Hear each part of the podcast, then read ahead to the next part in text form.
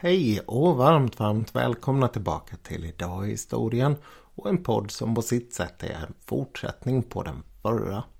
Den som handlade om Eiffeltornet. Idag så ska det handla om mannen som lyckades sälja Eiffeltornet inte bara en gång utan två gånger. En iskall och ändå så här ganska älskvärd brottsling. Just därför att han hela tiden använde charm och list och inte våld och hot.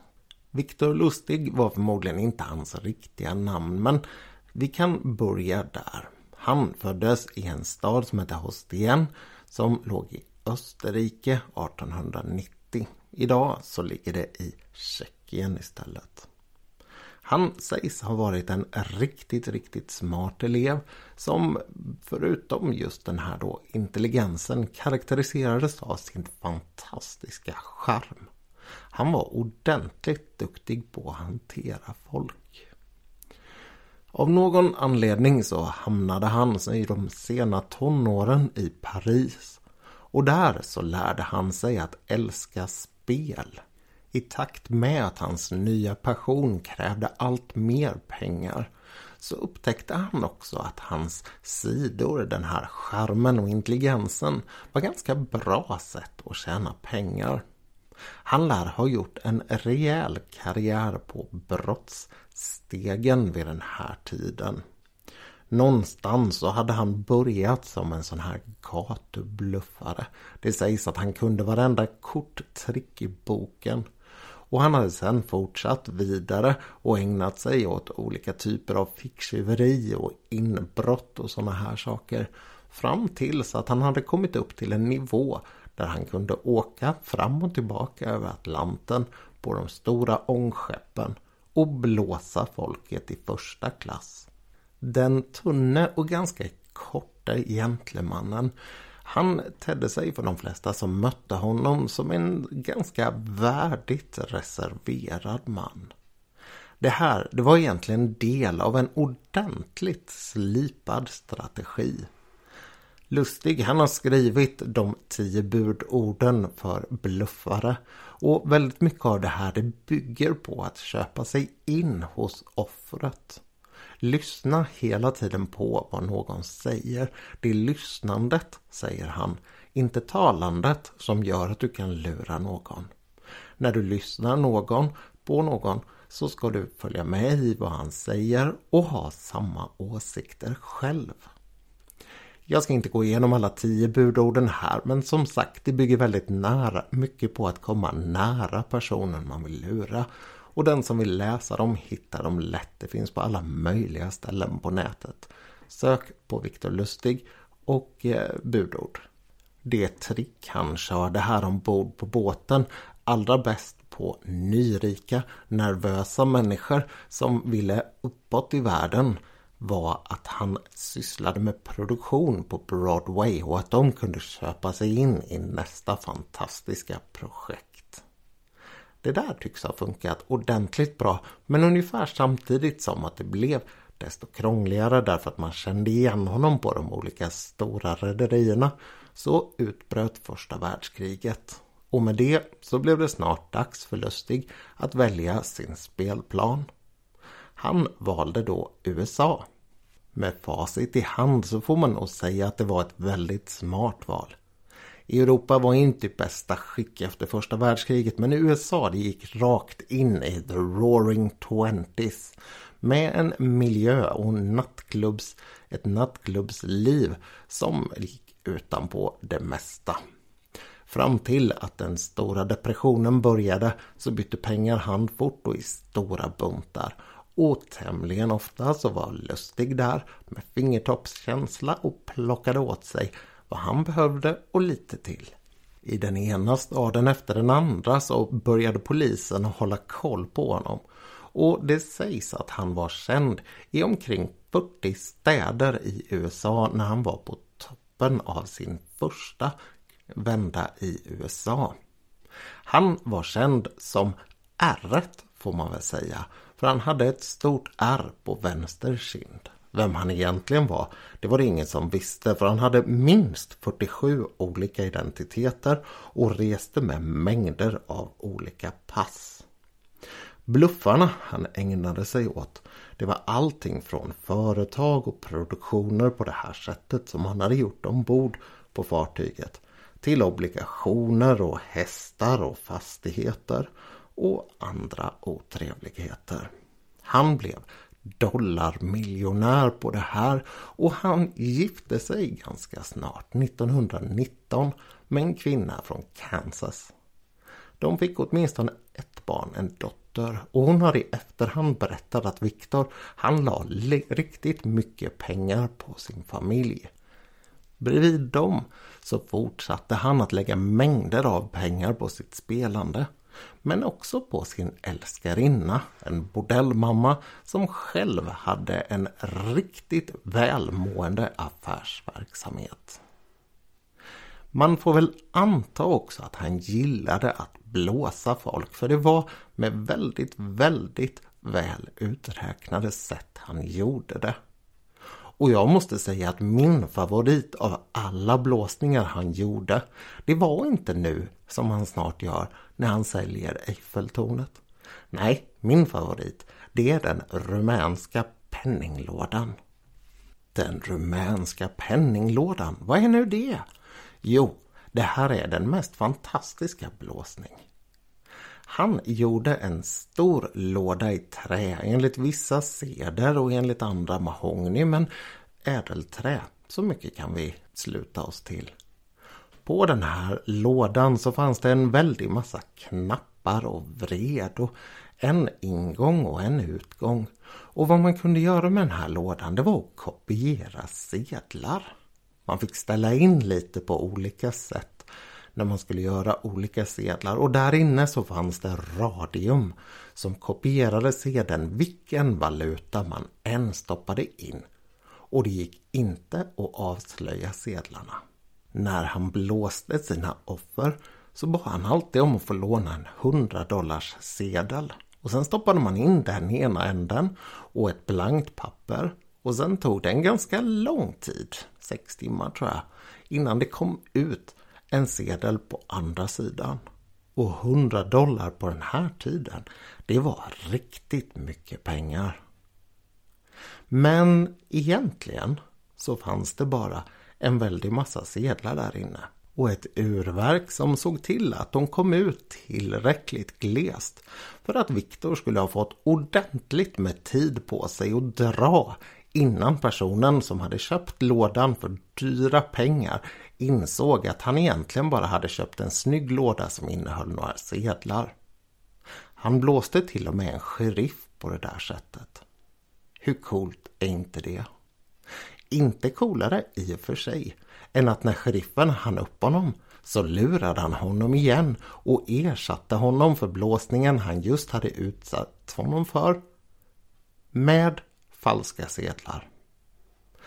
Men det blev för mycket. 1925 så begav han sig tillbaka till Europa därför att det hade blivit lite för hett om öronen i USA. Väl tillbaka i Europa så valde han Paris, sin gamla hemstad och han bosatte sig där i väntan på att en riktigt bra stor fet fisk skulle dyka upp. Och den fisken, det blev Eiffeltornet. Tornet det var inne i en rejäl svacka vid den här tiden. Den som lyssnade på podden igår kanske kommer ihåg att man från början hade tänkt sig att riva tornet efter 20 år. Det var nu lite drygt 35 år gammalt och man började faktiskt diskutera om det inte var dags ändå att ta bort det. Det var väldigt dyrt att ha det kvar och gav det egentligen sådär jättemycket. Det kanske till och med störde Paris stadsbild där det stod och var väldigt stort och dåligt skött. Man trodde i den här tidningsartikeln som Viktor läste att eh, parisarna, majoriteten av parisarna åtminstone, var för att man skulle ta bort tornet helt enkelt. Och där blev det hans fisk. Nu gällde det bara att hitta en riktigt hungrig fiskare. Han satte upp kontor på ett hotell på Place de la Concorde. En plats som för övrigt är den som man avrättade Ludvig den 16 på i franska revolutionen. Men det tror jag att Viktor brydde sig ganska lite om. Nej, nu var det dags att bjuda in folk och hur får man rätt människor att dyka upp när man ska sälja Eiffeltornet? Jo, självklart så ordnade han en falskmyntare som kunde se till att ordna brevpapper med franska regeringens sigill på. När han skickade ut det här så förklarade han att det var dags för ett riktigt, riktigt bra erbjudande från den franska statens sida. Och så skickade han ut det till några väl utvalda skrothandlare runt om i Frankrike. Hans mål det utgick från de här tidigare nämnda tio budorden. Han valde personer som han visste hade en riktig lust att tjäna pengar men samtidigt också en tillräcklig social känslighet. Sen tog han emot dem och hade en stor, ska vi kalla det presentation på det här hotellet. När han gjorde det så granskade han sina fiskare lika mycket som de granskade fisken. Och fisken den presenterade han på så vis som ett Eiffeltorn som var helt och hållet värdelöst. Det var ingen som ville ha det kvar och de få som faktiskt ville ha det kvar, de skulle man strunta i. Därför var det väldigt viktigt att den här affären gjordes i lugn och ro, anonymt för att inte väcka för mycket uppståndelse. Och sen kunde man presentera en färdig, färdig lösning, riva det och få bort det utan att man skulle behöva en massa krångliga protester och saker. Det byte som han hade hittat Viktor här nu, det var en man som var riktigt sugen på att komma in i de fina kretsarna. Och han började nu bearbeta honom ensam och vid sidan om.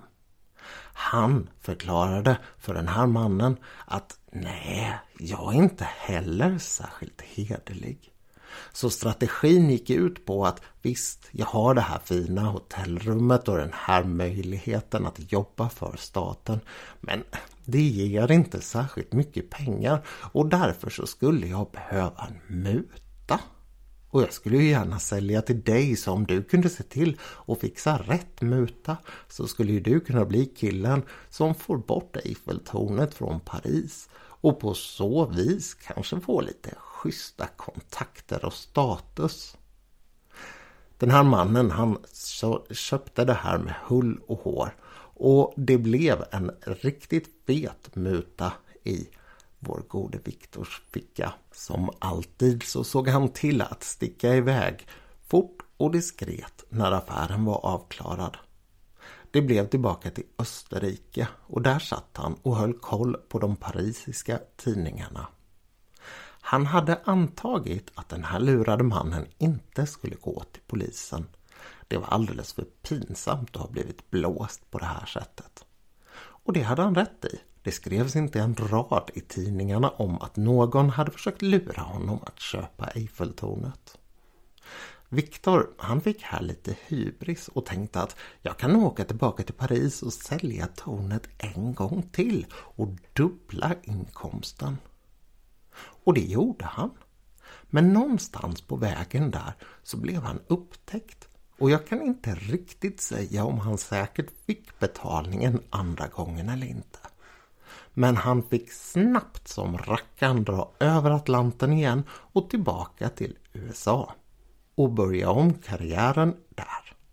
Kungen av bluffmakare gav sig nu bland annat på kungen bland gangsters.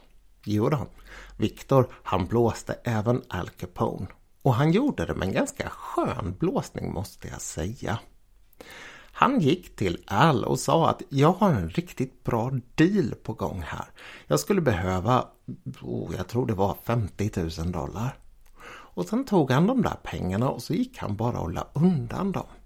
Och sen kom han tillbaka efter ett tag igen, alltså vi pratar veckor och lämnade till över pengarna till Al och sa Nej du, det här gick inte. Det gick eh, i stöpet hela den här blåsningen och eh, här har du pengarna tillbaka. Jo förresten, sa han. Jag har inga pengar kvar att leva för själv. Du skulle inte kunna hjälpa en fellow brottsling liksom. Och det här, det tyckte Al att ja, den här Viktor han har ju betett sig väl och verkar ju vara en hederlig brottsling. Så han gav honom, och det är lite oklart där också, tusen eller femtusen dollar. Bara som en schysst gest eftersom det ändå hade varit en schysst kille. Är inte det en underbar blåsning? Ett annat steg på hans karriär var simpelt och sofistikerat på samma gång. För istället för att hålla på och lura folk för att ta deras pengar så kan man ju lika gärna börja tillverka egna. Det är väl en av de simplaste formerna av brottslighet men samtidigt en som kräver en hel del sofistikation. Och därför så slog han sig samman med två ordentligt duktiga killar som gjorde plåtar och så tryckte de sedlar. Och Viktor han byggde upp en stor cirkel kring det här som gjorde att man kunde sprida sedlarna över ett stort område och genom flera olika händer för att de inte skulle kunna spåras tillbaka. Och det man gav sig på det var största möjliga sedel, 100 dollar sedlarna. Det gick fruktansvärt bra och det gjorde det under lång tid. Så pass bra sägs det faktiskt att det verkar som att den amerikanska staten började oroa sig för dollarns anseende när det fanns så många sedlar, fejkade sedlar alltså, i cirkulation. Och sen är det lite oklart hur det hela slutar för honom. Det diskuteras på olika ställen, lite olika saker och jag kan nämna de två, vad jag har hittat i varje fall, vanliga berättelserna. Den ena den säger att det var en polis som bestämde sig för att han personligen skulle sätta stopp för Viktor och på så vis få ännu mer glans över sig själv. En riktigt fåfäng och väldigt duktig polis med andra ord. Och han skulle alltså ge sig på den som gjorde de bästa sedelkopiorna i hela landet. Han lyckades och han grep 1935 Viktor. Eller så var det så att Viktor inledde en relation med en av sina medarbetares älskarinnor. När hans egen älskarinna fick reda på det här då blev hon förbannad och hämnades och kallade för polisen om var de kunde hitta honom. Och därför greps han 1935. Oavsett vilket så lyckades han rymma från häktet precis innan den planerade rättegången men greps sen igen och när rättegången väl blev av så dömdes han till 20 år på Alcatraz. Det kanske inte var platsen för en lite mer känslig brottsling som honom. Han slets hårt av att sitta där och på lite drygt 10 år så lär han ha kommit med 1192 olika krav om att han behövde vård eller att han var sjuk. Vakterna där på ön de trodde att det här var del i någon form av flyktförsök och var ganska, ja vad ska vi säga, avvisande mot hans olika krav. När de väl insåg att han var sjuk så skickade de honom till ett sjukhusfängelse i Springfield i Missouri. Och där insåg man att Victor, han var rejält sjuk. Han hade en hårt och långt gången utvecklad lunginflammation. För Alcatraz fånge nummer 300 så innebar det där slutet. Han avled 1947 av den här sjukdomen. Långt senare och långt därifrån i Tjeckien så var det en historiker som 2015 tänkte gå till botten med vem den här Viktor Lustig var, eller Lustig om man nu pratade tyska. Det bör tilläggas att han satt i fängelse under ett helt annat namn i USA och att man inte var särskilt säker på vad det var för namn han egentligen hade. Men man var tämligen säker på att han kom från den här staden Hostine även om han hade dratt lite olika historier om sin bakgrund. Den fina varianten den var att han var greve. Han kallade sig väldigt ofta för Count. Men det fanns också en annan variant som han berättade med jämna mellanrum och den var att han hade vuxit upp i en ganska lågt ekonomiskt stående bondfamilj och att han hade vuxit upp under en rejäl brist. Det hade behövts att han stal och lurades för att familjen skulle överleva och det var så han hade lärt sig att bli brottsling. Men för den här tjeckiska historien, historikern så återstod det efter ett ganska gediget arbete vad det verkar att dra slutsatsen att han aldrig någonsin hade växt upp i den där staden. Vem Viktor Lustig egentligen var, ingen som vet. Och det är väl egentligen så som man vill att en sån här historia ska sluta. Stort tack för att du har lyssnat idag. Om jag får be om en tjänst då skulle jag vilja att du satte betyg på den här podden där du har lyssnat på den. Det hjälper denna att nås, att det hjälper mig att nå andra som skulle vara intresserade av att lyssna på den. Och du får såklart hemskt gärna också tipsa vänner och bekanta att lyssna på den här podden. Har du dessutom lyssnat ett tag och känner att du skulle vilja hjälpa mig att hålla podden igång så får du hemskt gärna göra som många andra har gjort och donera en liten summa. Det gör du enklast på swish 123 447 8327 och då går pengarna direkt till mitt företag En gjort. Det är ingen blåsning i bästa lustig anda. Tills nästa gång vi hörs. Allt gott